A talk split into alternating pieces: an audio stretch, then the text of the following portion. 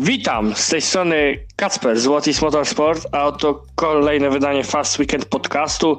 Tym razem spotykamy się no, już w ostatnią rundę MotoGP. Mieliśmy Grand Prix Walencji wieńczący sezon 2021, no i też Grand Prix São Paulo, e, Grand Formuły 1, e, no, które było owiane różnymi kontrowersjami.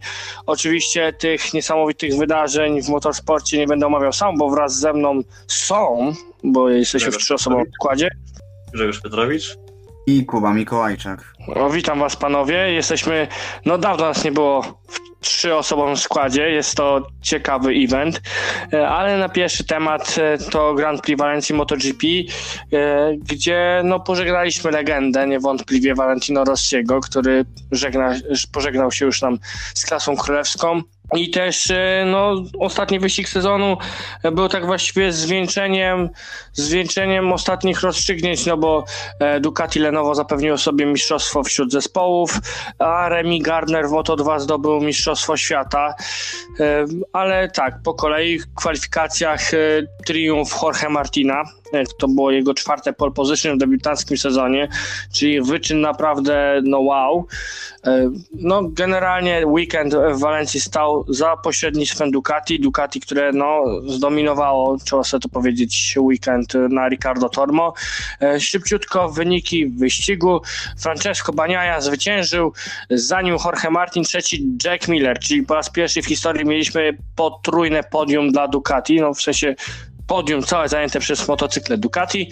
Czwarte miejsce Jean Mir, e, później piąty Fabio Quartararo, szósty Jean Zarco, siódmy Brad Binder, ósmy Enea Bastianini, dziewiąty Aleix Espargaro, dziesiąty Valentino Rossi w swoim ostatnim wyścigu, jedenasty Franco Morbidelli, dwunasty Andrea Dovizioso, trzynasty Alex Marquez, czternasty Miguel Oliveira, punktowano piętnastkę, zamknął Iker Lecuona, bez punktów Maverick Vinales, Luca Marini i Danilo Petrucci, który też się żegna z MotoGP. Nie dojechali Alex Rins i Takaki Nakagami po wywrotkach. E, też właśnie oprócz Rossiego, no to właśnie Petrucci i Lekuona żegnają się z światem MotoGP. Petrucci bardziej leci w Dakar, a no Iker Lekuona będzie nam e, w World Superbike, które też tutaj w Fast Weekendach sobie co rusz omawiamy. I tak, takie szybkie pozytywy, negatywy, plusy i minusy. E, przedstawię Wam najpierw e, zawodników, a Wy ocenicie ich e, tak jakby no, postawę. Zacznijmy od trójki na podium. Baniaja, Martin Miller. Według mnie cała trójka zasługuje na plusy i jest naprawdę no, mega pozytywny występ w ich wykonaniu. Szczególnie w wykonaniu Martina i Baniai, bo jednak u Millera chyba tego czegoś brakowało, co sam Jack zauważył po zakończeniu wyścigu. Kuba, jak, jak to oceniasz? No więc tak, bardzo dobra jazda Peko Banani. Y, Włoch pokazał po raz kolejny, że zasłużył na tytuł wicemistrza świata. I naprawdę szkoda tego szkolnego wręcz błędu z oponami na torze w Mizanu, gdyż tak naprawdę to przekreśliło jego szansę na mistrzowski tytuł. Tak jest, no tam jeszcze było po drodze też kilka innych wywrotek, innych problemów e, Peko, ale no, no cóż, no e, miejmy nadzieję, że Baniaja wyciągnie wnioski na sezon 2022. Grzegorzu, jak e, ustosunkuje się do plusów dla pierwszej trójki, czy może myślisz, że nie wiem, ktoś z nich na minus zasłużył? E, nie, no tutaj się zgadzam ze wszystkim w całej rozciągłości. E, myślę, że też warto właśnie pochwalić Millera za to, że się pozbierał w połowie dystansu i e, potem był w stanie jednak e, wyprzedzić Mira. No i też cała trójka się w ogóle spotkała prawie że na mecie, no bo tam między Baniają a Millerem oraz jeszcze Martin, który był pomiędzy nimi, tam było jakoś, nie wiem, półtorej sekundy, niespełna dwie sekundy, no to jest... To jest Sekunda nawet, bym ci powiedział. Sekunda, bo Martin 0,400 straty do zwycięzcy, a 0,800 do zwycięzcy straty miał Jack Miller. No to na to, że Ricardo Tormo to jest naprawdę bardzo, to jest, to jest nic. E, natomiast e, nie ma co płakać nad zarozanym mlekiem, jeśli chodzi o sezon 2021 w wykonaniu Baniai oraz, tego, oraz tym błędem z Mizano. E, po prostu trzeba to przekuć, tą, tą niesamowitą końcówkę, znaczy tą, tą niesamowitą drugą połowę w ogóle w wykonaniu Baniai od wygranej w, na Aragon poprzez właśnie powtórkę na na drugim, e, nie sorry, na, drugim, na, pierwszym, na pierwszym Mizano nie wygrał, ale był drugi, no to e, potem jeszcze wygrał gdzie? Wygrał jeszcze w Portugalii, wygrał teraz, jeszcze gdzie wygrał wcześniej, bo już się zamotałem. O, Bo było, Ojej, oj. było, było chyba pięć zwycięstw, tam cztery cztery, zwycięstwa. zwycię cztery zwycięstwa były w wykonaniu Peko Baniai. E, Było w Walencji, było na Algarve, było również e, w Aragon i e, jeżeli San się nie San Marino San też. Marino? Tak jest, nie Grand Prix San Marino, pierwsze Grand Prix na torze Misano e, we wrześniu.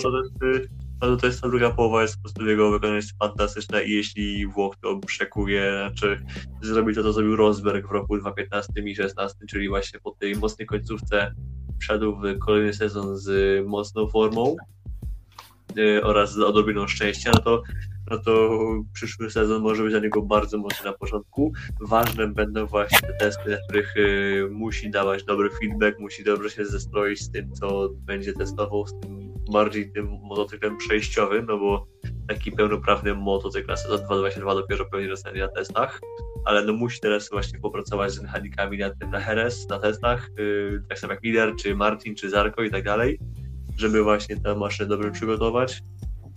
I cóż, yy, właśnie jeszcze tak dodam w tym, w tym macie tej trójki, że Bania ja mówił przecież yy, chyba jakoś ostatnio, że on w tym roku yy, ma to samo, co, miał Quartararo rok temu. To znaczy, że jak było dobrze, no to było dobrze, jak było źle, no to teraz wchodziła presja i się pojawiły problemy, więc Bania po prostu musiał w tym roku parę rzeczy mentalnie przepracować i przepracuje pewnie jeszcze przez zimę i w przyszłym roku może być yy, tylko mocniejszy, a jeśli będzie tylko mocniejszy, to Quartararo ma, że powiem, yy, się od czego obawiać. No i tak samo jeśli Mir, do którego teraz przejdziemy też, jeśli się on troszkę, jeśli on dokręci śrubę, a Suzuki wykona krok naprzód z motocyklem GSX RR, no to może mieć świetną freeway battle co roku. No też właśnie, jeżeli chodzi o Suzuki, no to taki e, no, słodko-gorzki weekend, bo Jean Mir, czwarte miejsce i batalia o podium i Alex Rins, który no, był po prostu Alexem Rinsem i się wywrócił. E, jaka wasza jest ocena Suzuki w ten weekend? Dla mnie Eee, plus dla Mira, no i no, duży minus dla Alexa Rinsa.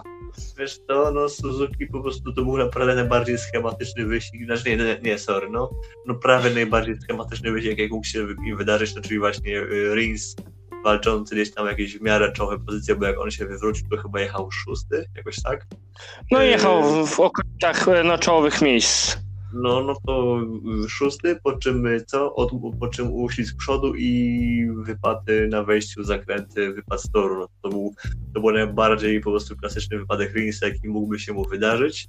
E, Jeśli chodzi o Migra, no to y, świetnie było jego tempo w treningach, no bo tam walczył właśnie na tempo, na dłuższym dystansie walczył z, z Ducati, po czym no Ducati w, przez sobotę i jeszcze w porannym warm-upie dołożyło tempa i dzisiaj poza zasięgiem, ale tak czy inaczej trzeba Migra pochwalić, no bo naprawdę facet robił w tym roku świetną pracę. E, Nie wygrał niestety wyścigu, ale no rok temu jak był mistrzem świata, no to też wygrał tylko jeden wyścig, więc tu trzeba pochwalić jego po prostu równą dyspozycję.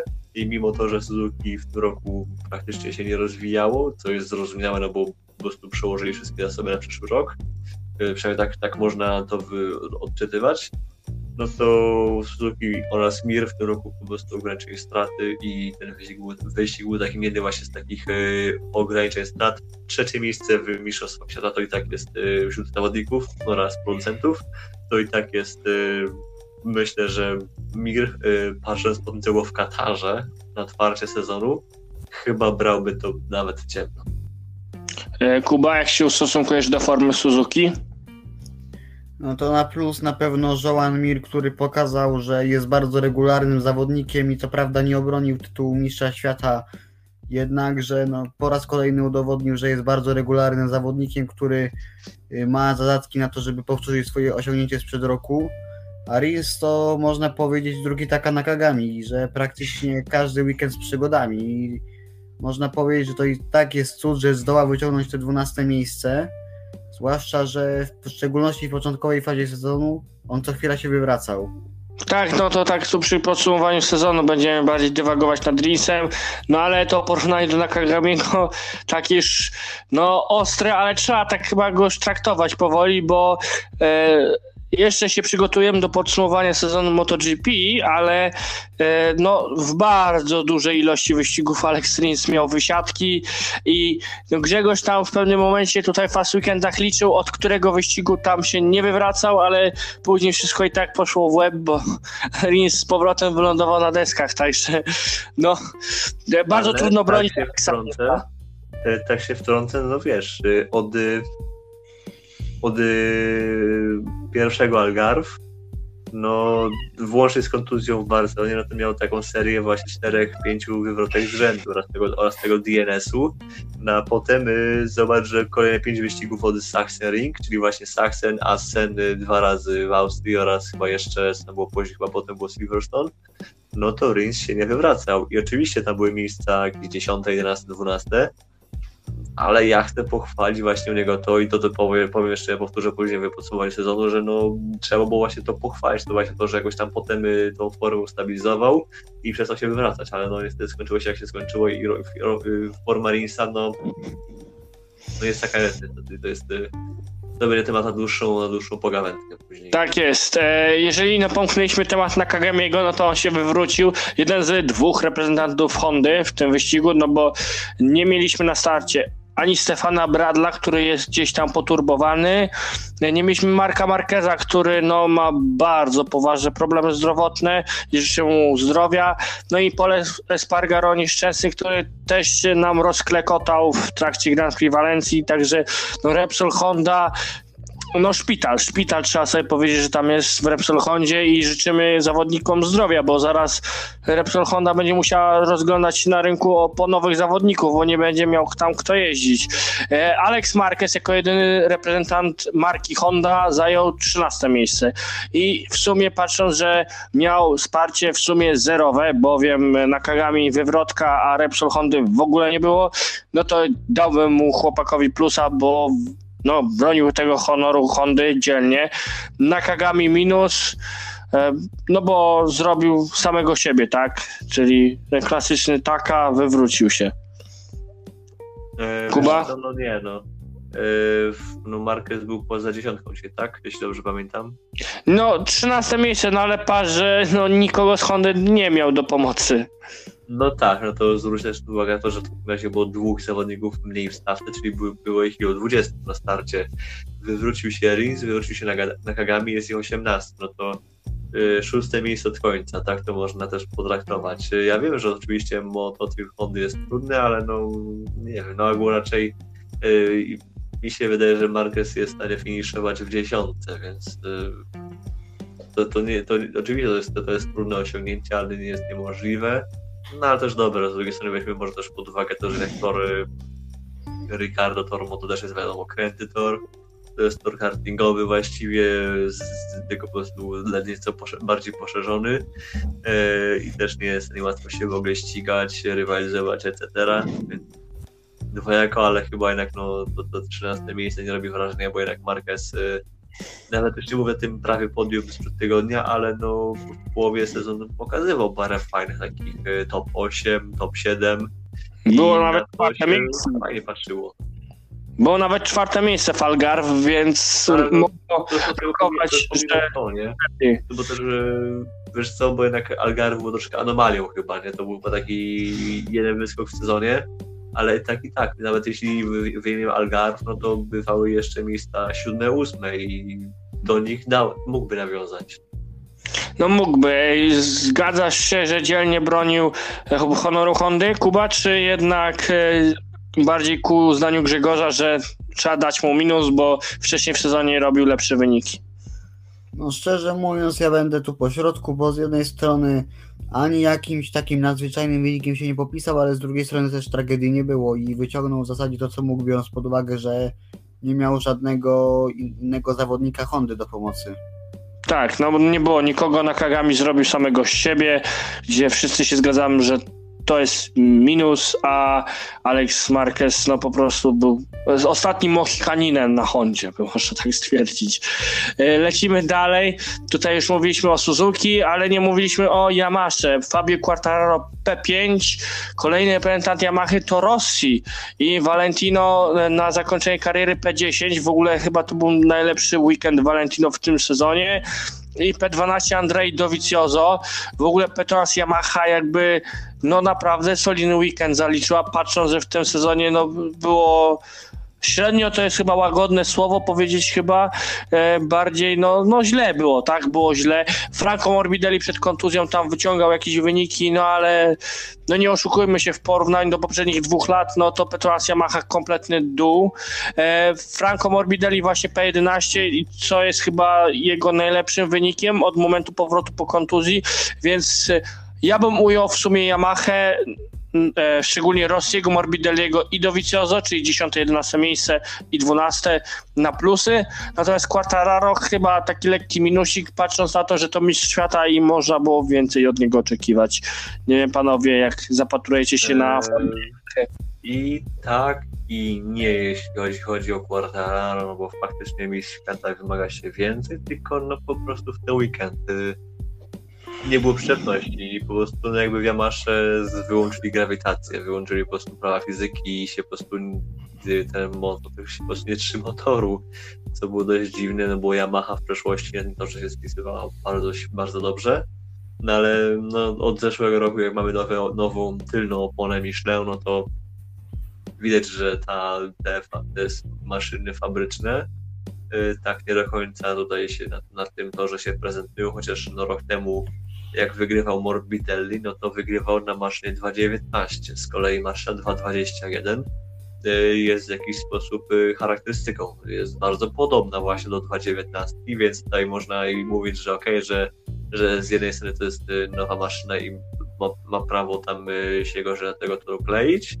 z drugiej strony jest podobna do 19, więc, no, więc powinna się trzymać, bo 19 wygrała, więc to jest, tak się można zaplątać, zaplątać, zaplątać, ale no jeśli weźmiemy pod uwagę fakt, że w treningach już miał właśnie Quartararo problemy, niezależnie od pogody, bo tam chyba w popołudniowej sesji było troszkę bardziej deszczowo. I jeśli się nie mylę, nie, bardziej to rano było. Deszczowo, po południu było suchutko, ale e, tak Quartaro generalnie w treningach nie błyszczał. W treningu naprawdę dobry był Morbidelli. Mnie zaskakiwało to, że na przykład w FP4, które tam jest takim symulacją wyścigu, to Morbidelli się trzymał z w miarę solidnym tempem wyścigowym, jak na jego no, no cały czas problemy z urazami e, z przeszłości, no to tutaj Franco naprawdę się trzymał i udowodnił to w sumie w wyścigu tym P 11, tak, że nie spadł na sam koniec stawki, tylko dowiózł pewne 5 punktów. No 5 punktów, no i właśnie Morbidelnego dowiózł z Rossiego, myślę, że możemy pochwalić. No oczywiście, no wiadomo, że Rossi ma troszkę, troszkę, ma troszkę inne priorytety w, tym, w tych wyścigach ostatnich e, w swojej karierze. Brzmi bardzo dziwnie, e, jakby z mojego punktu widzenia e, dla osoby, w której Rosji był zawsze w MotoGP i trudno sobie mi wyobrazić e, tą serię bez niego, ale to już, to jest osobny temat na osobną dyskusję.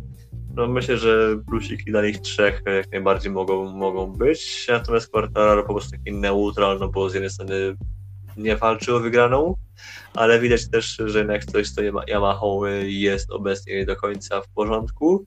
Być może jest y, to spowodowane tym, że jest już po prostu jesień i że po prostu jest już chłodno na torze, na, torach, no bo chłodno było też w Algarve, jeśli się nie mylę w Walencji też nie było. Nie było, nie było jakoś super w Portugalii, więc w sumie możliwe, że te chłodniejsze temperatury jakoś no, nie do końca fajnie, fajnie, no źle wpływają na Yamaha, tak. E, no właśnie.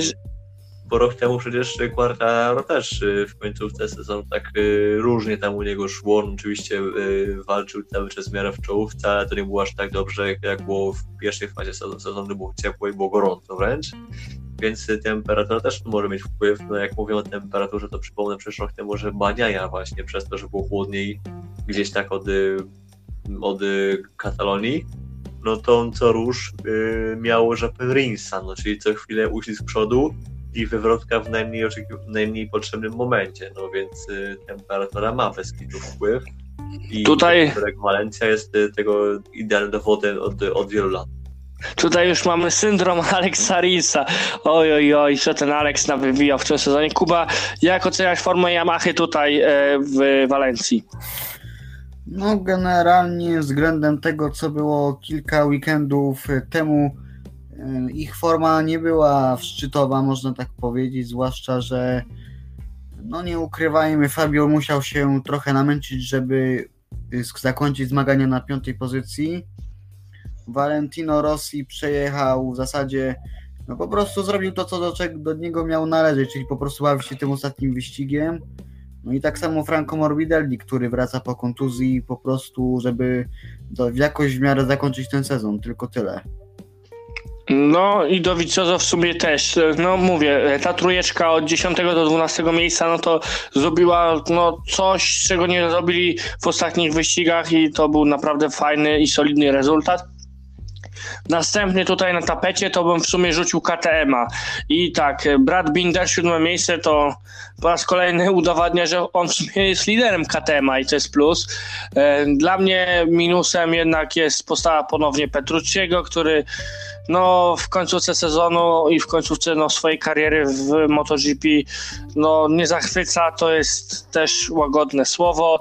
E, Lekuona po tych e, no, wojażach w Algarve, gdzie tam no, no, jeździł jak kamikadze z jednym punktem, więc w sumie nie wiem jak to traktować, było lepiej u Lekuony, tak? Ja, ja bym jednak taki minus minimalny dał i to samo u Miguela Oliveira, gdzie no, pierwsza część sezonu była super, a druga część sezonu, no to no, jazda w dół bez trzymanki to była, dlatego e, Oliveira, Lekłona, Petrucci minus, Binder plus, e, jak się do, ustosunkujecie tutaj do formy KTM w Walencji? Ehm, Wiesz co? Może bardziej bym minusa dał samemu, samemu moto- motocyklowi, bo jednak to, e, to forma samej maszyny RC16 chyba się bardziej przy, przyczyniła do tego, że no, ostatnie wyścigi w ich wykonaniu wyglądają, wyglądają tak wyglądają. To jest y, to się na to bardzo dziwnie patrzy, no bo KTM zaczynał sezon y, w wielkim dołku, gdzie no, wszyscy cztery zawodnicy ledwie punktowali, po czym w okolicach Mugello pojawiła się nowa rama, nowe paliwo i tak dalej. Po prostu parę takich większych zmian. I ten KTM znowu zaczął jeździć, po czym y, znowu po, po tym, po Austrii, y, znowu zgasło światło, dosłownie. Więc y, ciężko mi to ocenić na weekend. No, myślę, że po prostu KTM pracuje nad, nad tą pracą z, przod, z przednią oponą, która też się za rok zmieni. Mm, znaczy za rok, w przyszłym roku się zmieni właśnie przednia opona, będzie bardziej taka sztywniejsza konstrukcja, więc y, jest nad czym pracować i trzeba się że jeszcze pewnie czego się uczyć, y, więc nie wiem, możliwe, że KTM już te ostatnie wyścigi po prostu tak już y, bardziej prowadzi pracę nad feedbackiem, nad zbieraniem danych pod kątem już przyszłego roku i eksperymentują z ramami i tak dalej, więc nie wiem, ale no, z jakiegoś powodu po prostu ani Oliveira, ani Binder, ani zawodnicy DEC3 nie są w stanie jakoś szczególnie walczyć, jakoś szczególnie konkurencyjnie, wyjąwszy formę i Lekłony z tego, z, z Grand Prix Algarve. Po prostu KTM jest dla mnie jakimś yy, sinusoidą w tym sezonie. Nieobliczalny. Kuba, zgadzasz się, że KTM był nieobliczalny i czy e, pozostała trójeczka na minus i Binder na plus? No więc generalnie KTM w tym sezonie miał niestabilną formę, bo zawodnicy potrafili być w czołówce, ale także dojeżdżać na granicy punktów. A więc tak, mimo wszystko Iker Lekona dałbym go na plus, dlatego że w swoim ostatnim wyścigu w MotoGP możliwe, że kiedyś wróci, ale na razie wiemy, że zwiąże się z y, superbajkami. Wywalczył ten jeden symboliczny punkcik, za co wielkie brawo dla Hiszpana, który miał w tym sezonie kilka swoich momentów. Miguel Oliveira, wziąłbym poprawkę, że on przecież tydzień temu w czasie Grand Prix Algarve miał ten upadek z Ikerem, no, przez tak. który był ob- obolały. Także myślę, że od biedy też można dać mu plusik za walkę jakąś tam, że jednak y, pomimo tego, że jechał obolały, zdołał wywalczyć te dwa punkty. Brad Binder standardowo, co nas przyzwyczaił do mocnej formy, czyli siódme miejsce. I patrząc przez pryzmat całego sezonu, to można powiedzieć, że to jest tak mniej więcej jego średnia, te siódme miejsce, jaką y, zawodnik z RPA wykręcał. No i Petrux, no oczywiście na minus, no bo on, no, no słabo, tak. E, następni no zostali no tutaj Zarko, Bastianini nam zostali, jeszcze Marini i Vinales. E, jeżeli chodzi o Aprilię, no to Alejsze Spargaro, patrząc, że ostatnio Aprilia miała jakiś taki mini dołek, no to dałbym plus. Vinales, no, no, no cały czas się uczy tej Aprilii, to tam bym zostawił chyba bez oceny, a w Marini, no to w porównaniu do Bastianiniego, no to widać jednak, że Bastianini jest górą, a Marini dołuje, chociaż wiemy, że lada chyba moment Marini będzie też potwierdzony w ekipie Valentino Rossiego, tak, na przyszły sezon, bo Marco bez lekkiego, także on chyba jechał tak, aby po prostu dojechać, on już o nic nie walczy, bo wie, że raczej ten kontrakt w ekipie swojego brata ma. No i Joan Zarko w sumie minus bym mu dał, patrząc na to, że Ducati jednak e, to Pramaka to słabsze Jorge Martin był w stanie zrobić podium, a on tym mocniejszym Pramakiem no to jednak tylko P6. Wiesz co, ogólnie ostatnie wyścigi, tak nie wiem, od już od połowy sezonu, e, że on Zarko po prostu jakoś mega przygasł i nie wiem na ile ma wpływ, miał wpływ um, pompujący przed nami, jakiego, jakiego dopadło właśnie w drugiej połowie, a na ile, nie wiem, mogą być problemy z, z samym Ducati, czy też właśnie z dogadaniem się z maszyną, e, ciężko mi to w ogóle powiedzieć. Ale no dla mnie e, Zarko jest troszkę taki niewidoczny i dzisiejszy wyścig był taki właśnie jeden z takich wyścigów, gdzie po prostu Zarko e, w ogóle nie ten, nie, nie szło, nie, w ogóle go nie widziałem. Natomiast no Martin dla mnie był mega widoczny, a to już o tym już o Martinie mówiliśmy. E, ciężko właśnie ogóle cokolwiek powiedzieć o Zarko, natomiast e, Bastianini chyba znowu się zameldował w dziesiątce, jeśli się nie mylę. Tak, ósme miejsce i dlatego No. to jest w ogóle polar opposite Luki Mariniego, no kompletnie przeciwieństwo, tak? tak tylko... Marini dołuje, ale mówię, Marini chyba ma już z tyłu to, że za rok już mam kontrakt u Brachola, to, to, to, to nie muszę się starać, tak? Tak, tylko wiesz co, też ja bym zauważył to, że y, Bastini oraz Marini się różnią ze, ze sobą choćby wzrostem, nie? Więc jakby Tak. są dwa różni zawodnicy. A nie wiem, może pamiętasz co bywało, jak w, na przykład w Avinti kiedyś jeździł duet y, Barbera Bas. I to, to już był w ogóle Tak. y, dysproporcja wzrostowa.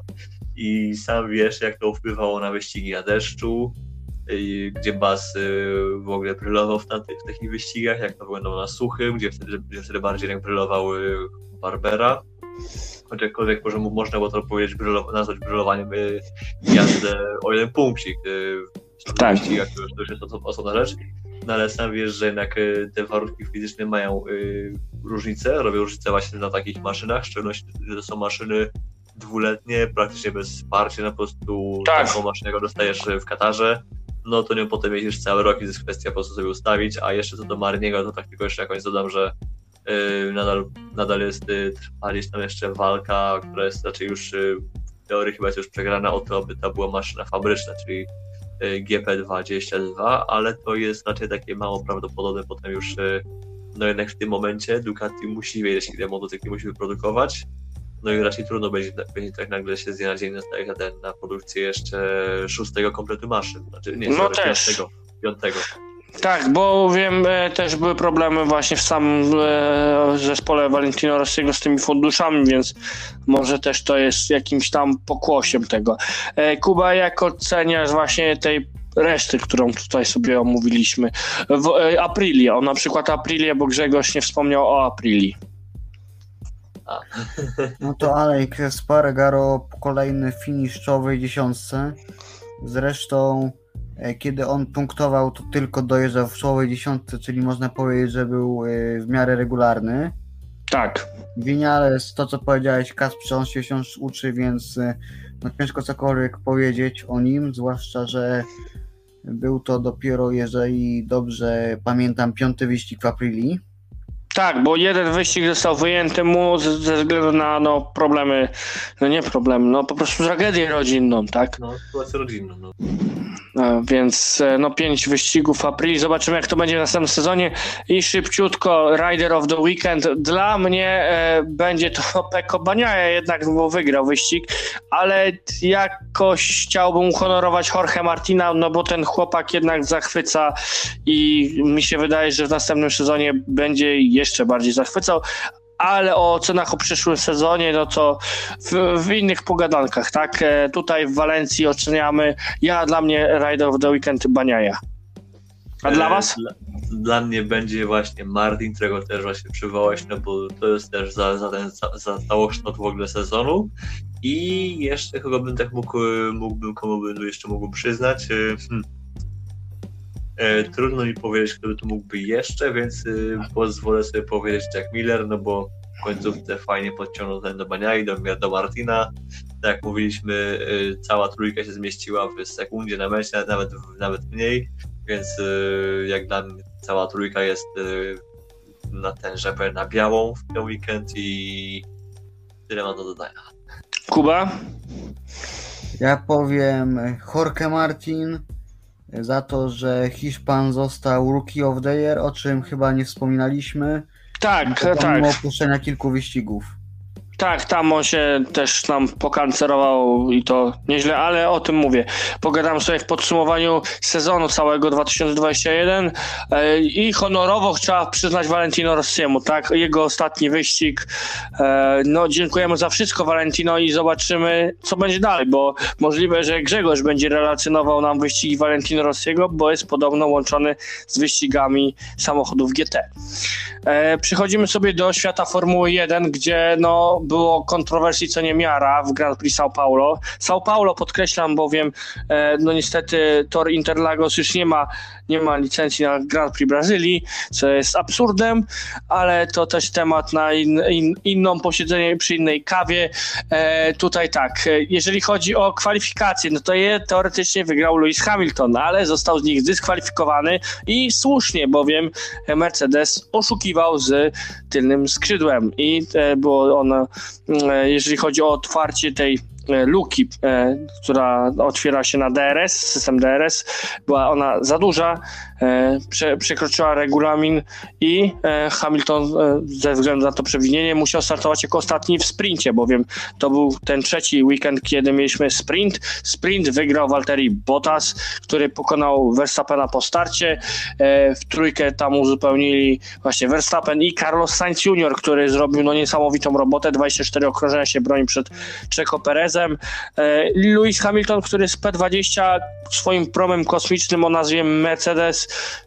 po prostu przemknął przez stawkę, wyprzedzał ludzi, jakby był z innej epoki, z innej klasy. E, Jakby tutaj nawiążę do wyścigów bliskim Grzegorzowi, czyli Endurance.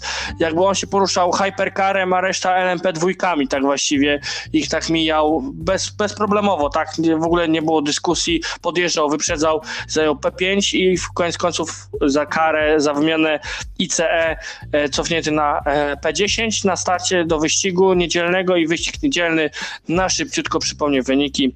E, Hamilton zwycięzcą, 101 zwycięstwo w jego karierze, zanim Max Verstappen podium uzupełnił Valtteri Bottas, czwarte miejsce i najszybsze okrążenie Sergio Perez, później Charles Leclerc, Carlos Sainz Jr., Pierre Gasly, Esteban Ocon, Fernando Alonso i Lando Norris zamknął punktowaną dziesiątkę, poza punktami Sebastian Vettel, Kimi Raikkonen, George Russell, George Russell, tak, dobrze powiedziałem. Antonio Giovinazzi, Yuki Tsunoda, Nicolas Latifi, Nikita Mazepin i Mick Schumacher jako ostatni, który dojechał. Nie dojechali Daniel Ricciardo i Lance Stroll ze względu na swoje jakieś tam problemy z samochodami. No Lance Stroll tam też swój samochód nieźle pokancerował przy na przykład incydentach z Yukim Tsunodą, czy też z Nicolasem Latifim, z którym miewa wojarze w ostatnich wyścigach dość często. E, plusy, minusy, ale zanim najpierw chciałbym no tutaj przekrój tej sytuacji kontrowersyjnej najpierw z dotykaniem dość drogim, bo za 50 tysięcy bolidów, badaniem, kontrowersjami wokół oszustw Mercedesa. E, Kuba, zacznijmy od ciebie. No więc generalnie ktoś tam z Mercedesa dał ciała z tym skrzydłem. Nie wierzę, żeby to było celowe, bo gdyby tak to było, to by E, Podobny, podobny manewr był zastosowany u Walteriego Bottasa, więc tu kto po, Ciekawe ktoś zdanie. po pomylił się. No, dalej, dalej. Kuba, co tam e, myślisz o tym dotyku Aczkolwiek drogim? Regulamin to regulamin i dyskwalifikacja jak najbardziej się należała, gdyż już w przeszłości wystarczyło o 3000 przekroczyć normy ESU, żeby zostać zdyskwalifikowany, bo Daniel Ricardo w 2019 roku Tak, coś takiego dostał Tak. karę. Więc y, nawet te najmniejsze ujścia od normy powinny być karane, za co dla FIA wielki plus, bo trzeba twardo się trzymać regulaminu i to nieważne, kto, który z zawodników tego e, trochę nadużył regulaminu, żeby po prostu inni też zaczęli nie kombinować. Tak, żeby nie było świętych krów tak zwanych. Grzegorzu, e, jak postrzegasz tą sytuację? E, Tutaj też chciałbym zauważyć, co sądzisz o tej sytuacji z Verstappenem i tym drogim dotyku, tak właściwie, bowiem e, no wcześniej mieliśmy no, mnóstwo sytuacji, gdzie kierowcy no, macali samochody innych kierowców i nie było takich kar finansowych, a tutaj tak jakby Mercedes po swoim oszustwie no, chwytał się, tonący się chwytał ostatniej brzytwy, ostatniej tej deski ratunku, no i tam zaczęli zwalać na Verstappena, no tak kuriozalnie tłumacząc to wszystko.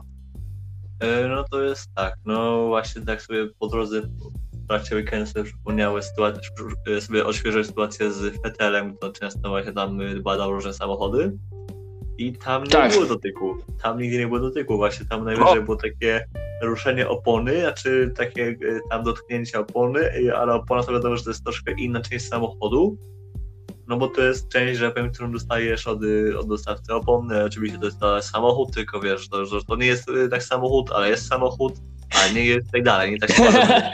tylko y, Natomiast z Verstappenem to jest troszkę inny case, no bo to już dotknął centralnie część, którą po prostu tak odpowiada zespół, nie? I tutaj właśnie jest taki właśnie punkt sporny.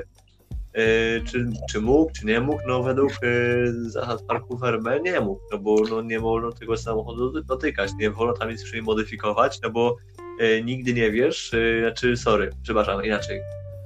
Sędziowie nie są od tego, by się domyślać, czy czy ten dotyk y, w tym miejscu nie sprawił, że załóżmy samochód zmienił lekko specyfikację albo i nie zmienił. Nie, oni są tak od tego, żeby egzekwować to, żeby egzekwować No zasady. właśnie, No bo y, pamiętasz może case, y, pamiętamy może case Fetela z, Węg- z Grand Prix Węgier, gdzie tam y, do tego wycieku paliwa, przez który y, nie można było pobrać wystarczająco dużej próbki, y, miała się przyczynić no, awaria pompy paliwowej, czegoś tak, albo jakaś tam nieszczelność, jeśli się nie mylę, no to tak czy inaczej wciąż y, y, wciąż y, sędziowie nie mogli jakby jakoś tam dowieść tam, że ten, że że do paliwa było wystarczająco dużej ilości, że, że gdyby nie było, awa- nie było awarii, to, ten, to, to by tego paliwa wystarczyło i tak dalej. No to, to jest po prostu regulamin jest regulamin i niestety nie, trudno jest ten, trudno jest że powiem poprawkę na to, że a tu była awaria pompy, a ten dotknął i tak dalej. I jedyny taki case, gdy sędziowie faktycznie uznawali lub też y, uchylali y, ten swoje srogie oko regulaminu, no to była chyba sytuacja w Grand Prix Chin 2006, gdzie Rubens Barrichello ukończył wyścig bez przedniego skrzydła, bo tam miał kontakt z kimś tam w dosłownie ostatnich zakrętach. No to wiadomo, że nie będzie zjeżdżał na ten, na ostatnim okrążeniu po tempo, skrzydło tylko po prostu dojeżdża do mety z tym, co ma. I wtedy była sytuacja, że czy, czy na pewno Barrichello powinni dopuścić lub też zaliczyć y, y, skoro dojechał bez skrzydła, bo nie można było go zbadać, tego skrzydła, bo ono nie było fizycznie przyczepione do samochodu, to jest raz, a dwa, że jeśli nawet gdzieś tam były części tego, tego skrzydła, no to trudno było z nich poskładać y, jedno, jednolity element, więc... No i też do ważenia sytuacji- był problem. Do ważenia też był no problem wtedy. właśnie, waga też ma problem, więc y, po prostu w tej takiej sytuacji wyjątkowo jakoś to uchybiono od tego, że po prostu, że Tak. okej, no po prostu musiano jakoś y, to wyjaśnić, wytem poluzować, ale no w tej sytuacji no tutaj nie było żadnych jakichś tych, y, nie było za bardzo litości, mimo że dotyk było Verstappena. Tak, tak, tak. Do, na jest jak najbardziej fair. Natomiast szybko co do, co do jeżeli, sytuacji chodzi. Maxa, jeżeli chodzi o Maxa, to też on śmiesznie też komentował w social mediach, bo powiedział, że po prostu nie będzie mógł sobie kupić FIFA Pointsów w następnym tygodniu. Znaczy, to tak. Owiał to w żart, później też Sebastian Vettel owiał to w żart, też e, inżynier Louisa Hamiltona, Peter Bonington owiał to w żart, więc generalnie obśmiana ta sytuacja, ale cóż, no teraz kierowcy mają nauczkę na przyszłość, że takich, takich rzeczy lepiej, lepiej nie wolno robić, bowiem mogą być jakieś tam różne ceregiele. Ja bym ogólnie dał, jak już zaczniemy plusy i minusy, e, wielki, wielki minus dla sędziów, bowiem oni podejmowali bardzo wolno decyzje i robili z tego absolutnie komedię. E, Też się potwierdza to, że jednak Mercedes i Hamilton mają przywileje, bowiem w każdym innym case'ie bardzo szybko decyzje często były podejmowane, a zawsze jak jest sytuacja z Mercedesem i Lewisem Hamiltonem, to zawsze te decyzje są bardzo wolno podejmowane. I no jest coś na rzeczy i tak jak pisałem na Twitterze, dużo ludzi się ze mną zgadza, że no, no jest układ po prostu Mercedesa i FIA, cały czas on istnieje. Może kiedyś nad o tym, jak zbiorę więcej dowodów i Red Bull może mi w tym pomoże, bowiem obiecali zbieranie dowodów na to, na te konotacje właśnie i na różne oszustwa Mercedesa, e, to może kiedyś napiszę książkę i udowodnimy, co tam jest nie tak, bowiem to jest nie pierwszy raz w erze hybrydowej, kiedy no takie rzeczy się dzieją. No ja jestem spi- teorie spiskowe, tutaj ja Wiesz, mam nawet... Od teorii spiskowych jest Jest. taki jeden pan, który ma swój program nieraz we wtorki. Tak mniej więcej po wyścigach Grand Prix właśnie, więc y, to może z nim to możesz ogadać. Yy, okay. może bardziej przejdźmy do faktów, no bo jednak okej, no faktycznie sędziowie długo to rozpatrywali, tylko wiesz, y, sytuacja była to tyle skomplikowana, że trzeba było się opierać w pełni o jakieś nagrania, no bo trudno było tak od razu jednoznacznie wy, ten, wyznaczyć, że Mercedes, znaczy, że Verstappen dotknął tego skrzydła. Ale No nie mówię już o samym Verstappenie, nie mówię już o samym Verstappenie, wiesz co, nie mówię o tej sytuacji z dotknięciem, bo okej, to tam było e, klarowne w, przepisach, że nie można dotykać, więc Tak, kara to- jest uzasadniona. to wykazać, że no, bo, bo tam y, trzeba było serio szukać, trzeba było serio patrzeć na te na nagrania z innych samochodów, które stały ob- w pobliżu, w pobliżu właśnie w parku Ferme, żeby znaleźć y, to ujęcie, w którym y, widać, że Verstappen dosłownie maca ręką ten, ten płat skrzydła. Co do sytuacji z Hamiltonem oraz po prostu z jego, z jego samochodem, Właśnie No o tym tam, mówię, właśnie, to właśnie mówię o tej samochodzie, samochodzie bowiem on, e, no było jasno stwierdzone na badaniu technicznym zaraz po kwalifikacjach, które każdy samochód jest egzaminowany zaraz po sesji i e, no jeżeli coś się nie zgadza, no to jest decyzja, że jest to niezgodne z regulaminem, regulamin jest klarowny, trzeba się do niego stosować, tak jak wcześniej mówiliśmy o sytuacji na przykład z Danielem Ricardo, no i koniec kropka. Generalnie Mercedes mógł się tam odwoływać, aczkolwiek e, przy takim złamaniu regulaminu i o tyle, co złamali regulamin Mercedes, bo to nie było minimalne, tylko to było spore złamanie regulaminu, no to w ogóle nie ma jakiejkolwiek dyskusji, e, więc e, no, no są konotacje. Na mojej są konotacje i ja będę tego dowodził twardo. No, czy no wiesz, yy, myślę, że dowod, szukanie dowodów to jest naprawdę ciekawe, bardzo ciekawe czasochłonne zajęcie w tym temacie. Yy, faktycznie mogła decyzja zapaść szybciej, tylko no właśnie tam było dosłownie, tam nieoficjalnie się mówi, że to było dosłownie 0,2 mm, tak to mówił Wolf. Sędziowie nie Oczywiście to to, żadnej Wol- tam różnicy. to to Wolf oczywiście pewnie tam jakoś na swój sposób kłamie, co to już na, nas przyzwyczaił dość często, ale no oczywiście wiemy, tak, e, on w dobrej wierze, żeby chronić imię swojego zespołu, tak? E, Każdy, że, ale każdy wiesz, szef zespołu by się zachował podobnie. No wiadomo, że, że Christian Horner w analogicznej sytuacji by zrobił podobnie, tylko no właśnie tam było dosłownie to była tam pewnie trzeba było to jeszcze jakoś przebadać i tak dalej, żeby być właśnie pewny, że tam nic nie jest yy, popsute. Zresztą jak yy, Vettel miał właśnie sytuację z paliwem, to oczywiście dopiero przy apelacji, ale ca- też yy, jego samochód zbadano, więc no tutaj w takich sytuacjach, yy, szczególnie ze skrzydłami, które też y, są podatne na, te, na różne e, siły nośne, znaczy siły no, nośne, na, różne si, na różne siły, które na nie, na nie działają i sprawiają, że się te skrzydła odkształcają, czy to przy otwartym DRS-ie, czy, przy zamkniętym.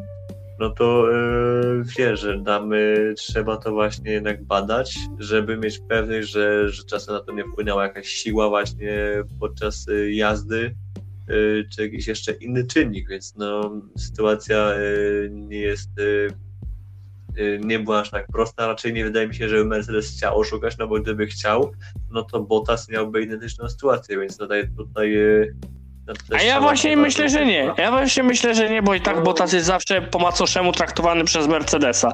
Tak, tak, tak to No ujmuję. właśnie, to, już, to już jest, to już są powoli teorie i myślę, że gdyby chciał Mercedes oszukać, to najpierw by sprawdzić to na Bottasie i dopiero po Bottasie yy, przekazaliby to do Hamiltona, żeby on też tym zyskał, no bo jednak yy, każda zła decyzja na samochodzie Hamiltona oraz na jego wyścigu może zaważyć na mistrzostwie, więc jeśli by kogoś mieli poświęcać, to bardziej Bottasa. To jest, yy, jeśli już wchodzimy w takie teorie spiskowe, to już jest, yy, to już prędzej w takie coś uwierzył. Natomiast ja chciałem powiedzieć, no to, że sędziowie powiedzieli, że tam przyczyną miało być właśnie troszkę takie niefortunne jakieś zdarzenia, cały tam jakiś ciąg zdarzeń, który po prostu mógł do tego doprowadzić, ale no regulamin jest regulaminem, więc ni- niestety trzeba było zdyskwalifikować. I tu myślę, że się zgadzamy, no bo na tym to polega, żeby jednak e, wszyscy byli traktowani równo. Tak jest. E, przechodzimy w końcu do naszych plusów i minusów. E, zaczynamy od pierwszej trójki. I w sumie jest mi bardzo ciężko egzaminować tutaj Louisa Hamiltona, bowiem on dostał tą nową jednostkę i to jest to, co mówiłem na samym starcie przy podawaniu wyników. E, On jechał jakby no, klasa hypercar w porównaniu do LMP2. To po prostu to był samochód z kosmosu, tak? Generalnie Max Verstappen był najbliżej e, tak jakby e, match, match his tempo, bym powiedział po angielsku, no, że e, zbliżenie tempo miał do niego, aczkolwiek no, dalej to było coś innej planety. No dobrze, za ten niby kom, na ten no, no, jakiś tam zrobił, no to z trudem, bo z trudem, ale daje mu plus.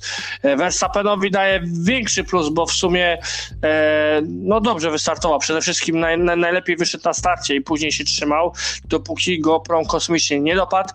Valtteri Bottas w sumie daje mu też plus, bo ładnie się spisał. Przede wszystkim w sprincie, co warto podkreślić, no i w wyścigu też e, celnie, celnie tutaj się spisywał, bowiem no, wyprzedził Pereza, czyli wykonał swoje zadanie minimum. No i na dodatek też dobrze oceniał sytuację zespołu, bowiem Mercedes mógł mieć dublet, a, ale ten dublet wypuścił z rąk. E, Jeżeli chodzi o Czeko Pereza, zamknąć tą, tą wielką czwórkę, no to od Pereza jednak w wyścigu się spodziewa- spodziewałem nieco więcej. Minimalny minus? Chyba tak, bowiem e, no, też w sprincie utknął za Carlosem Sainzem. A jak jesteś Red Bullem, no to powinieneś wyprzedzić takiego Carlosa Sainza, tak?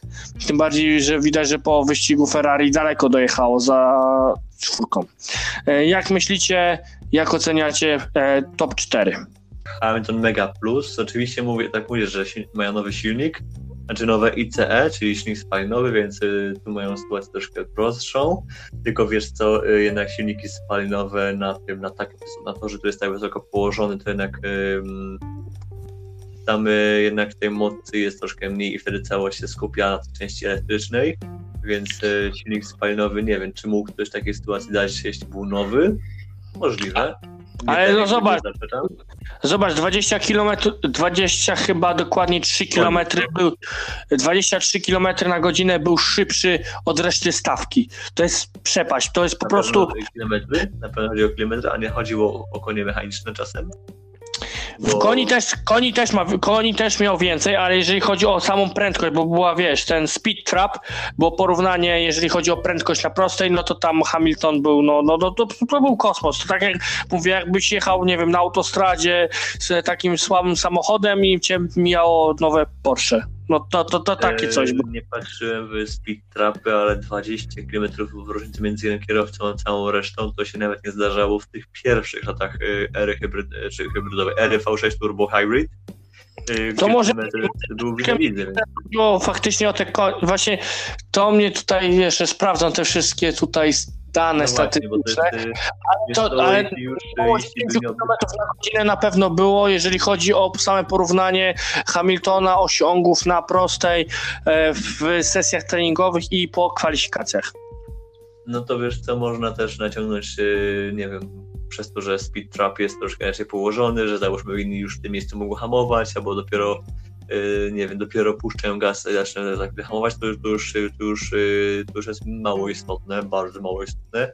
Yy, wróćmy do tego, że po prostu Hamilton pojechał yy, fantastyczny wyścig i sprint i główny, gdzie świetnie się przebijał z końca stawki na ten, na, najpierw do piątki, potem już od dziesiątki i znowu wygrał, więc okej, okay, miał z jednej strony przewagę, z drugiej strony jego, jego opony były bardziej wymęczone przez to, co się działo, w, no, przez, to, przez to, jaką pracę musiał wykonać. Yy, oczywiście mu tu bardzo pomógł safety car, yy, tak. Bottasowi też pomogła ta wirtualna neutralizacja i myślę, że Bottas tak koniec końców spełnił w miarę swoją robotę no bo bardzo uprzy, uprzykrzał życie Verstappenowi w sprincie. Oczywiście koniec końców Verstappen go i tak pokonał, ale no i tak i tak co mu uprzykrzył to, to było jego, więc zawsze coś. Natomiast no właśnie, Verstappen też, no Verstappen myślę, że też to jest plus, no bo pierwsze, drugie miejsce to jest dla niego właśnie taki target, to jest taki standardowy target. To, że Hamilton miał po prostu weekend boski, to jest dosłownie z tych weekendów na miarę właśnie Bahrajnu 2.21, nie wiem, Monaco 2.19, gdzie po prostu okay, były jakieś tam przeciw, przeciwieństwa losu z wynikające z różnych rzeczy, ale y, on miał taką formę, miał taki stan mentalny, że on to jakoś był w stanie, nie że mówię, że przezwyciężyć, tylko że po prostu, że był w stanie jakoś y, ścigać się pomimo tego, nie zwalać na te właśnie trudności i wywalczył swoje. Oczywiście nie będę też gloryfikował tego, tego y, wyniku, ale no zrobił po prostu coś wielkiego. To było coś, to było coś świetnego. Verstappen też kolei też, tak powiedziałem, plus.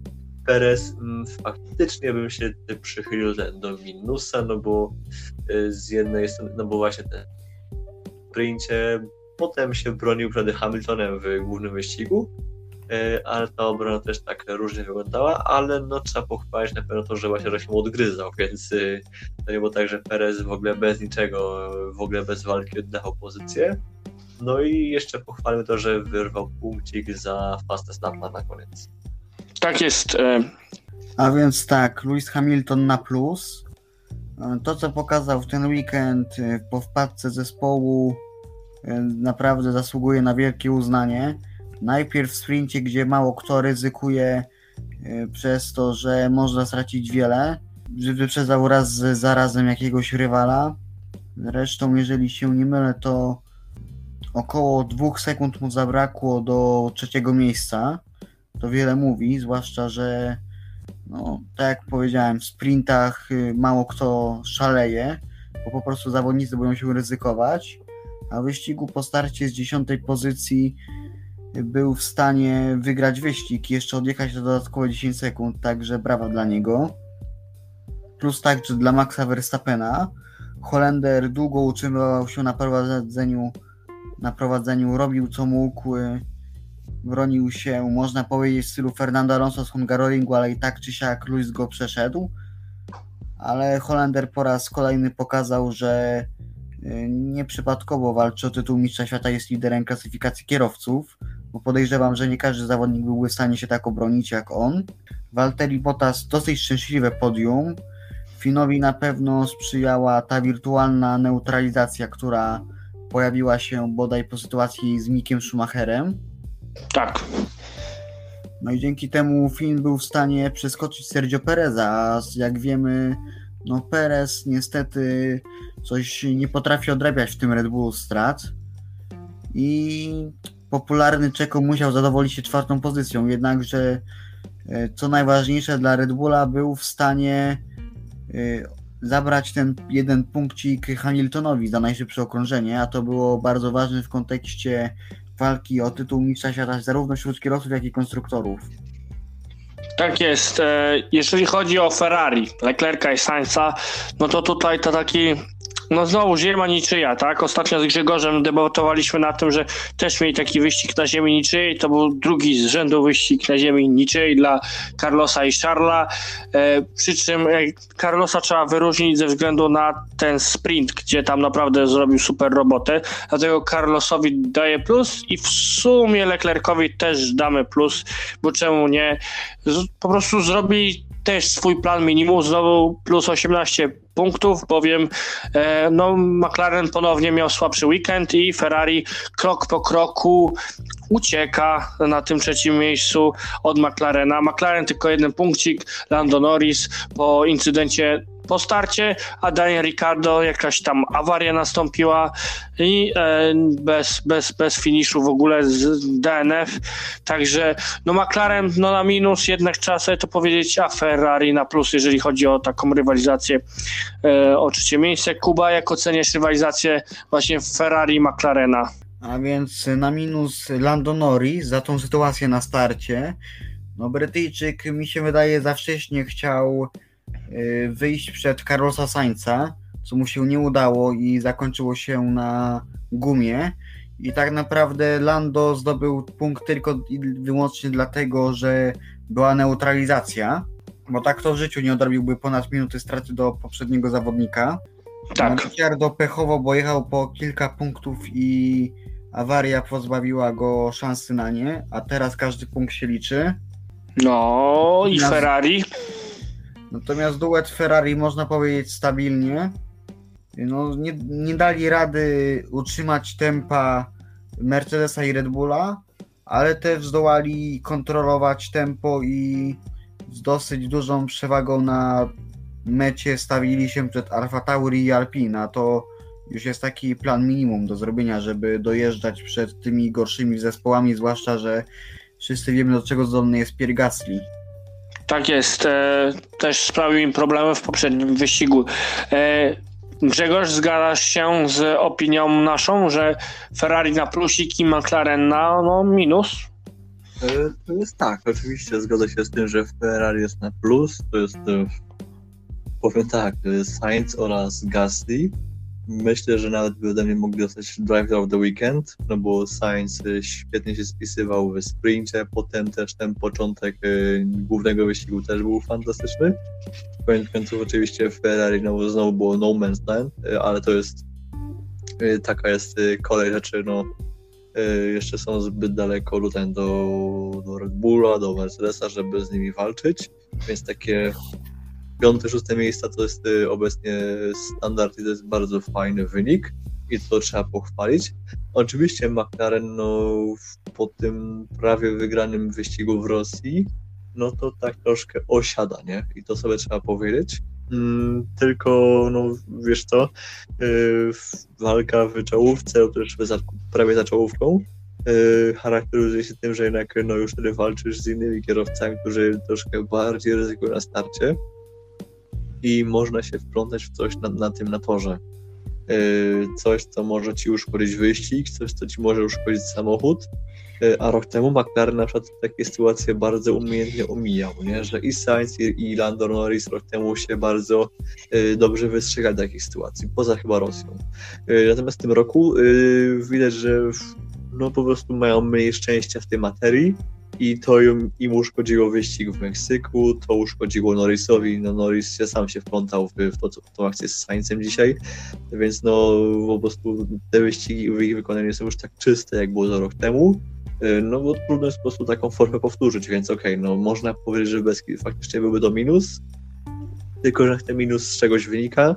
Może też wynikać na przykład z tego, że to już są bardziej takie teorie, już to trzeba się, trzeba się bardziej przyjrzeć yy, konkretnym samochodowy, konkretne weekendy, że McLaren już przerzucił zasoby na przyszły rok i już no nie rozwija samochodu, natomiast Ferrari może dalej ten samochód rozwijać. Yy, Właśnie to- Ferrari nie rozwija w ogóle samochodu od początku tego sezonu. Really? No dobra, no to, jest. no to Wiesz. bardziej dla nich. Ferrari o, tak właściwie ostatni pakiet poprawek mieli, jeżeli się nie mylę, przed Hiszpanią. I to był to- ostatni.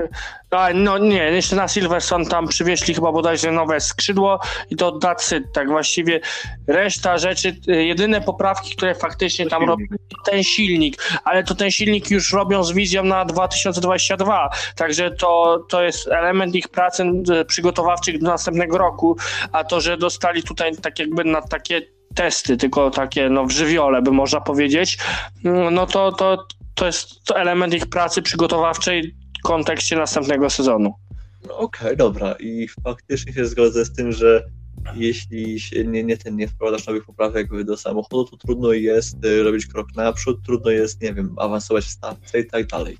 I z tym się zgodzę, ale z drugiej strony, jeśli masz naprawdę bardzo dobre, dobre poprawki, znaczy poprawki, nowe części, yy, nowe elementy i tak dalej, które są, mają dobry potencjał oraz są OP, no to jeśli nawet nie wprowadzasz poprawek, tylko cały czas masz samą specyfikację i tylko uczysz się pracy z nią oraz optymalizujesz pakiet, e, w sensie ustawienia, no to czasami można tym naprawdę sporo wyrwać, sporo staty urwać, zamiast co chwilę zmieniać specyfikację, dawać nowe skrzydło, nowe zawieszenie, przebudowywać, przebudować wprowadzać nowe, wprowadzać nowe części, których trzeba się od nowa uczyć oraz którymi, z którymi trzeba od nowa pracować pod kątem ustawień.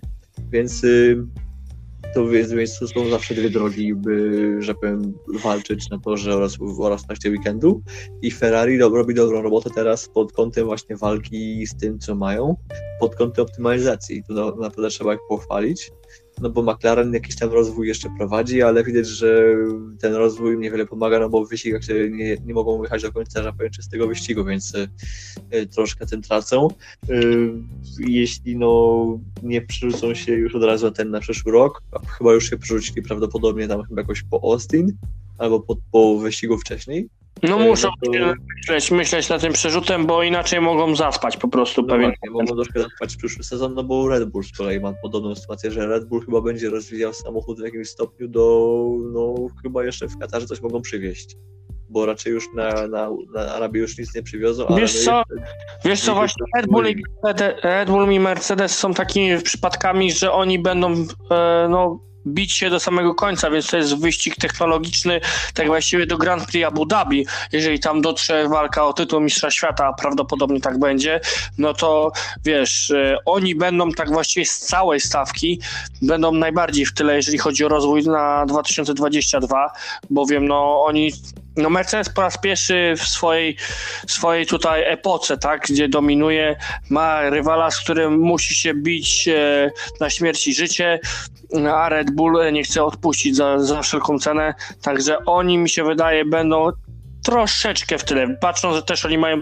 potężne zasoby i oni mogą tak właściwie część zespołu już sobie teraz oddelegować do prac e, nad samochodem przyszłorocznym, no to e, też e, E, no jednak będą się bili do końca tego sezonu i możliwe, że właśnie to, że nie pracują całym nakładem sił na przyszły sezon, no to e, będzie jakiś tam pokłosie w pierwszych rundach e, przyszłego, przyszłego sezonu. Przeszedłbym dalej w sumie, bo tutaj no, trzeba tak, skończyć. Tak, tak. Alfa Tauri i Alpin, tutaj też jest batalia w konstruktorach. Pierre Gasly górą nad duetem Alpin, który Alpin no wyszło z marazmu, tak, bo trzeba sobie tu powiedzieć, że w treningach, treningach było średnio. Generalnie w ostatnich wyścigach było średnio, to też jest lekkie słowo. E, I byli w stanie wyciągnąć ósme i dziewiąte miejsce. E, właśnie Alpin kontra Alfa Tauri. Jak postrzegacie tą walkę? Tsunoda troszeczkę troszeczkę dla mnie jest poszkodowanym, bowiem w tym incydencie ze Strollem na moje chyba Stroll tam bardziej zawinił niż Tsunoda, patrząc na to, że Stroll też później miał bardziej poharatany samochód.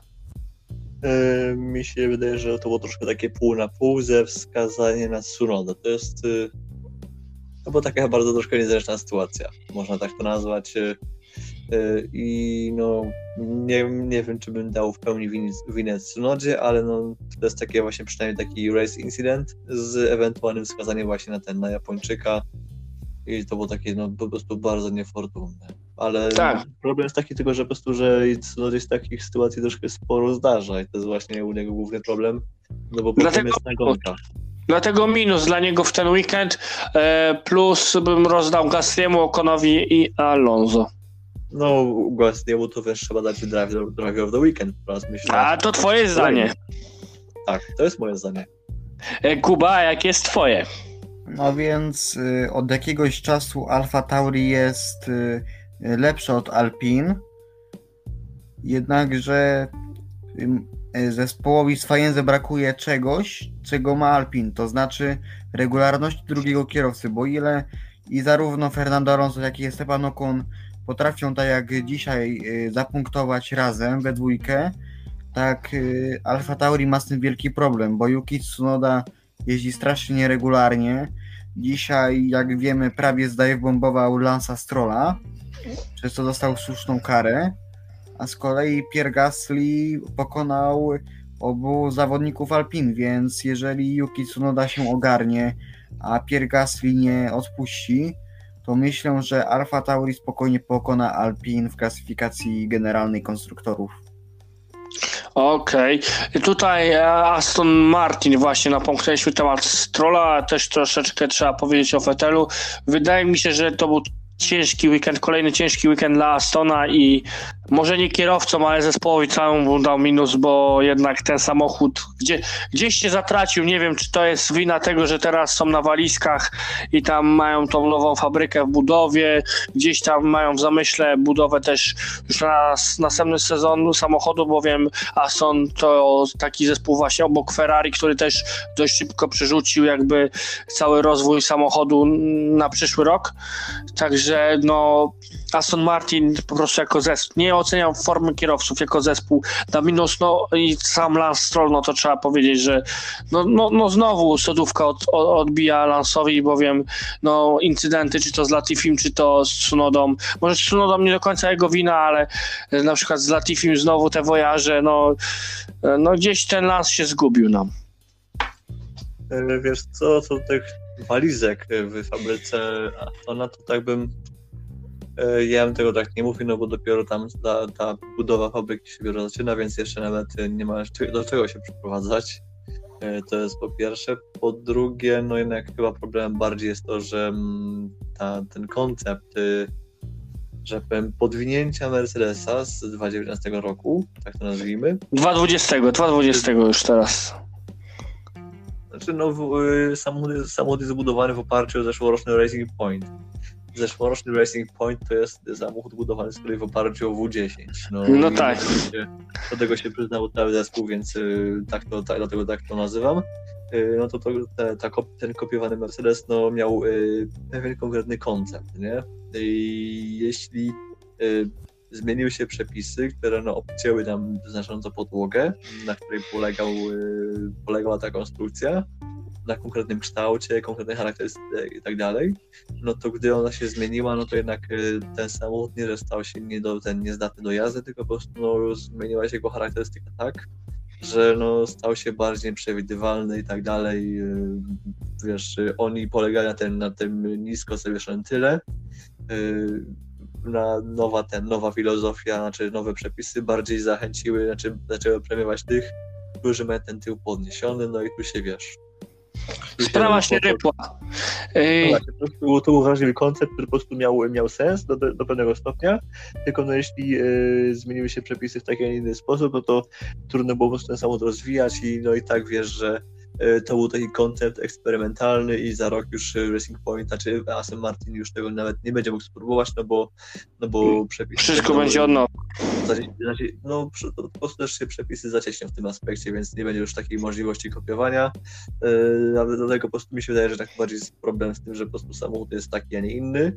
E, też go już nie rozwijają, więc to już po prostu nie ma za bardzo sensu. To jest już taka bardziej jazda ten dla punktów, dla zdobycia jakichś tam danych, e, feedbacku i tak dalej, pod kątem już e, nowej maszyny.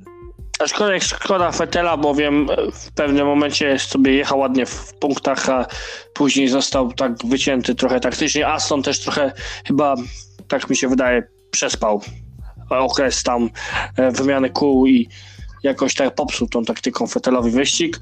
Ale to jest moje zdanie, a Kuba, jakie jest twoje? No jeżeli chodzi o Sebastiana Fetela, to Niemca trzeba pochwalić za dobry start gdyż czterokrotny mistrz świata awansował bodaj na szóste miejsce, więc widać było, że na tych pierwszych metrach Vettel się odnalazł, potem gdzieś przepadł. Z kolei Stroll był bardzo niewidoczny w tym wyścigu. Jedyna sytuacja, jaką kojarzę z nim, to jest ten dive Tsunody na nim i to jest wszystko. No też te rozpadające się części i po wyjeździe z pit stopu ten, ten pojedynek z Nikolasem Latifim, gdzie to jest no, któreś tam z kolei kanadyjskie starcie już w tym sezonie. E, No i przechodzimy do naszego zaszczytnego końca stawki Alfa Romeo, Williams i Haas. No Haasa to tylko bym powiedział tak, plus dla Mazepina, bo znowu pokonał Mika Schumachera, ale Mick Schumacher był trapiony incydentami. Jeżeli chodzi o Williamsa, w skrócie Latifi plus, bowiem pokonał Russella w kwalifikacjach, a George e, no, przy, przyzwyczai do na pewno lepszych rezultatów, więc minus. E, Kimi Raikkonen, Giovinazzi, no ja nie wiem, jak ich tutaj ocenić. Raikkonenowi bym dał jednak minus, bowiem miał ten incydent z Mikiem Schumacherem. A jaka jest e, wasza opinia, Kuba? No to generalnie tak, Alfa na minus za sytuację ze sprintu, kiedy to obaj się zderzyli. No takie rzeczy nie powinny mieć miejsca, w szczególności, że no, zrobili to w idiotyczny sposób. Oczywiście Giovinazzi bardziej niż Kimi, ale no wciąż do takich sytuacji dochodzić nie powinno, zwłaszcza pomiędzy teammateami. Tak, ale też oni mają z tyłu głowu, że raczej, no, no nie, no Raikkonen kończy karierę Giovinazzi i chyba już tam dostał telefon od Ferrari, że będzie testerem i że tam e, fotel, fotel w Hypercarze się chyba tam gotuje dla niego. Tak jest. Albo też y, jeżeli chodzi o Raikkonena, bo Giovinazzi, tak jak powiedziałeś, to może być Hypercar albo jakieś inne LMP2, zobaczymy co tam Ferrari wymyśli. Ale podobno Kimi Raikkonen myśli nad startami w USA, co byłoby bardzo ciekawą opcją, zwłaszcza, że e, w stronę USA e, dużo kierowców e, już takich emerytowanych i nie tylko emerytowanych, bo chociażby Callum Aylot czy Christian Lundgaard spoglądają na ściganie w USA i być może Kimiego zobaczymy, czy to w NASCAR, czy to w IndyCar, czy to w IMSA. Czas pokaże, ale skoro takie plotki są, to myślę, że warto się przyglądać temu, co będzie robił za rok, dwa Kimi właśnie. O, proszę. A jeżeli chodzi o sytuację na torze, to dajesz Alfie, rozumiem, minusy. Tak, no może Kimiemu dam tego pulsa, bo jednak po starcie z alei serwisowej przebił się na to 12 miejsce. O proszę, o proszę. A Grzegorzu, jak oceniasz z kolei, bo skoro Kuba tutaj wypowiedział się o Alfie, to jak oceniasz formę Williamsa, bowiem Latifi pokonał jako drugi człowiek w Formule 1 George'a Russella w kwalifikacjach. E, no to właśnie to bym chciał właśnie tą, tą akcję wyróżnić, no bo jednak e, no Russell ma, jest bogiem wręcz kwalifikacji, sprintów, czy jak to nazywało, no, pokonywania pokonywania teammateów e, w istotnych lub też, też mniej istotnych momentach, głównie w istotnych jednak, e, na to, że zostałeś pokonany, znaczy to, że pokonasz właśnie przynajmniej raz kogoś tak mocnego jak Russell w kwalifikacji oraz sprincie, to już jest, to już jest powód. Do dumy, więc to myślę, że Latifi za tę sytuację, przynajmniej za te, bo już tak za sam wyścig to już tak nie wiem za bardzo jak można to oceniać, ale za, za samo to pokonanie Russella, no to ja myślę, że dał mu plusika, takiego normalnego, pełnoprawnego. Yy, no to dla mnie były niewidoczne, no niestety, no taki jest ich cały sezon. Ale nie, to ich trzeba oceniać w własnej lidze. Ja bym powiedział, że ma Zepin plus, bowiem e, coś tam szuka ten Nikita i, no, i widać, miał czysty wyścig, miał czysty wyścig. Miał czysty wyścig, pochwalić. Tak. E, no właśnie, Driver of the Weekend, bo to trzeba już teraz do tego przejść. E, dla mnie e, w sumie jest Carlos Sainz junior, bowiem no, zrobił super robotę w sprincie. W wyścigu no, oni byli na tej ziemi niczyjej, ale przede wszystkim za ten sprint i za to, że przy Leclercu się trzyma, tak? To nie jest tak, że Charles odjeżdża Carlosowi, oni jako tandem działają, jako niezawodny tandem dowożą solidne 18 punktów i e, no driver of the weekend dla Carlosa Sainza Juniora jak najbardziej mi się wydaje zasłużony. A jak wy sądzicie Grzegorzu? No też, no driver of the weekend dla Sainza i Legacy'ego, no to jest y, dla mnie byli ten dla mnie byli fantastyczni w ten weekend i jak najbardziej zasługują. Tutaj nie mam nic szczególnego do dodania. Kuba? No to ja powtórzę Sainz za ten sprint i także kolejne solidne punkty dla Ferrari, y, Gasly i dam Fernando Alonso Juniora za kolejne punkty dla Alpin, które mogą być cenne. Fernando Alonso Juniora. Ja jestem zdziwiony, panowie, że nikt z nas nie dał Louisa Hamiltona, ale chyba, chyba wiem z jakiego powodu. Chyba właśnie z tego powodu, że inni musieli się napocić więcej, a, a Louis po prostu jechał na tym poziomie amator. Amator. Nie, tak jak wiem, może, te może gry- bardziej może bardziej z tego tytułu, że y, Hamilton był po prostu zbyt oczywistym wyborem, no bo on też ma wiele takich e, performance'ów, które już potoczyłem, typu właśnie Monaco 2019, tegoroczny Bahrain, gdzie naprawdę był świetny. Y, po prostu driver of the po prostu myślę, że przyznawanie driver of the weekend y, po prostu zwycięzcy, też zwycięzcy po starcie z końca stawki i potem ze środka, ze środka stawki, no to mogłoby być takie trochę zbyt oczywiste, więc yy, po prostu A, yy, ja lubię po prostu przyznawać driver of the weekend ludziom, którzy po prostu niekoniecznie byli na podium. O proszę, o proszę. Chociaż MotoGP często dajemy właśnie zwycięzcom. E, jeżeli chodzi o Hamiltona, to chciałem tu przyrównać, tak jak grałem w grę od F1 od Codemasters na przykład, no to jak na początku się uczymy gry, ustawimy sobie poziom amator, jedziemy najszybszym samochodem, to troszeczkę ten wyścig e, i sprint i, i ten właśnie wyścig e, mm, no, główny bym powiedział, tak, ten niedzielny, troszeczkę tak przypominał w, w, w wypadku Louisa Hamiltona, przy czym też miał troszeczkę szczęścia z neutralizacjami. E, Ale dobrze, no koniec mojego rantu na Louisa Hamiltona, bo to ja bym mógł się rozwijać i rozwijać. Wyścig weekendu trzeba przyznać i e, na moje wyścigiem weekendu w sumie właśnie nie wiem, czy było Grand Prix São Paulo, bowiem w Walencji też się sporo działo, ale no co tam, dam e, e, wyścig weekendu w sumie rywalizacji Moto2 e, w Walencji, bowiem tam rozstrzygały się losy tytułu. Gratulacje dla Remiego Gardnera, który zdobył Mistrzostwo Świata, przy czym rodzina Gardnerów jako druga w historii stała się, gdzie ojciec i syn jest mistrzem świata, bowiem pierwszą była rodzina Robertsów z Ameryki, a teraz rodzina Gardnerów z Australii. Panowie, co nominujecie na wyścig weekendu? No właśnie, ja bym dał może Moto 2 lub też Moto 3. Y, Co do rodziny, to wspomnę jeszcze przecież, że Markezowie są mistrzami świata, ale to już jest inna kombinacja rodzinna. No to są bracia akurat, więc a tu chodzi o kombinację ojciec i syn. E, Kuba, jaki według Ciebie był wyścig weekendu, który polecasz naszym słuchaczom? MotoGP. O proszę, no też no koniec, koniec kariery Valentino Rossiego chyba e, generalnie najbardziej jakby wyróżnia ten wyścig. E, szczególnie polecamy obejrzeć no, no końcówkę, tak? Jak już po zakończeniu tam żegnał się z kolegami z toru, naprawdę no to wzruszający moment. No i grację Valentino Rossi, tak, tak należy skwitować ten, ten epizod Fast Weekendu. E, Oczywiście e, nie byłem sam, bo wraz ze mną byli. Grzegorz Petrowicz, dziękuję bardzo. I Kuba Mikołajczak również dziękuję. Dziękuję również Wam panowie. Ja byłem Kacper z Łotis Motorsport. Oczywiście zachęcamy do odwiedzania wszelakich naszych social media, e, Facebook, Twitter czy też Instagram, do których linki znajdziecie w opisie. Też zachęcamy do odwiedzenia strony motohigh.pl, do której linki, link również znajdziecie w opisie. E, też e, wkrótce wszelakie podsumowanie sezonu, między innymi podcast specjalny o MotoGP, ale no to wkrótce, tak. A tymczasem do szybkiego usłyszenia.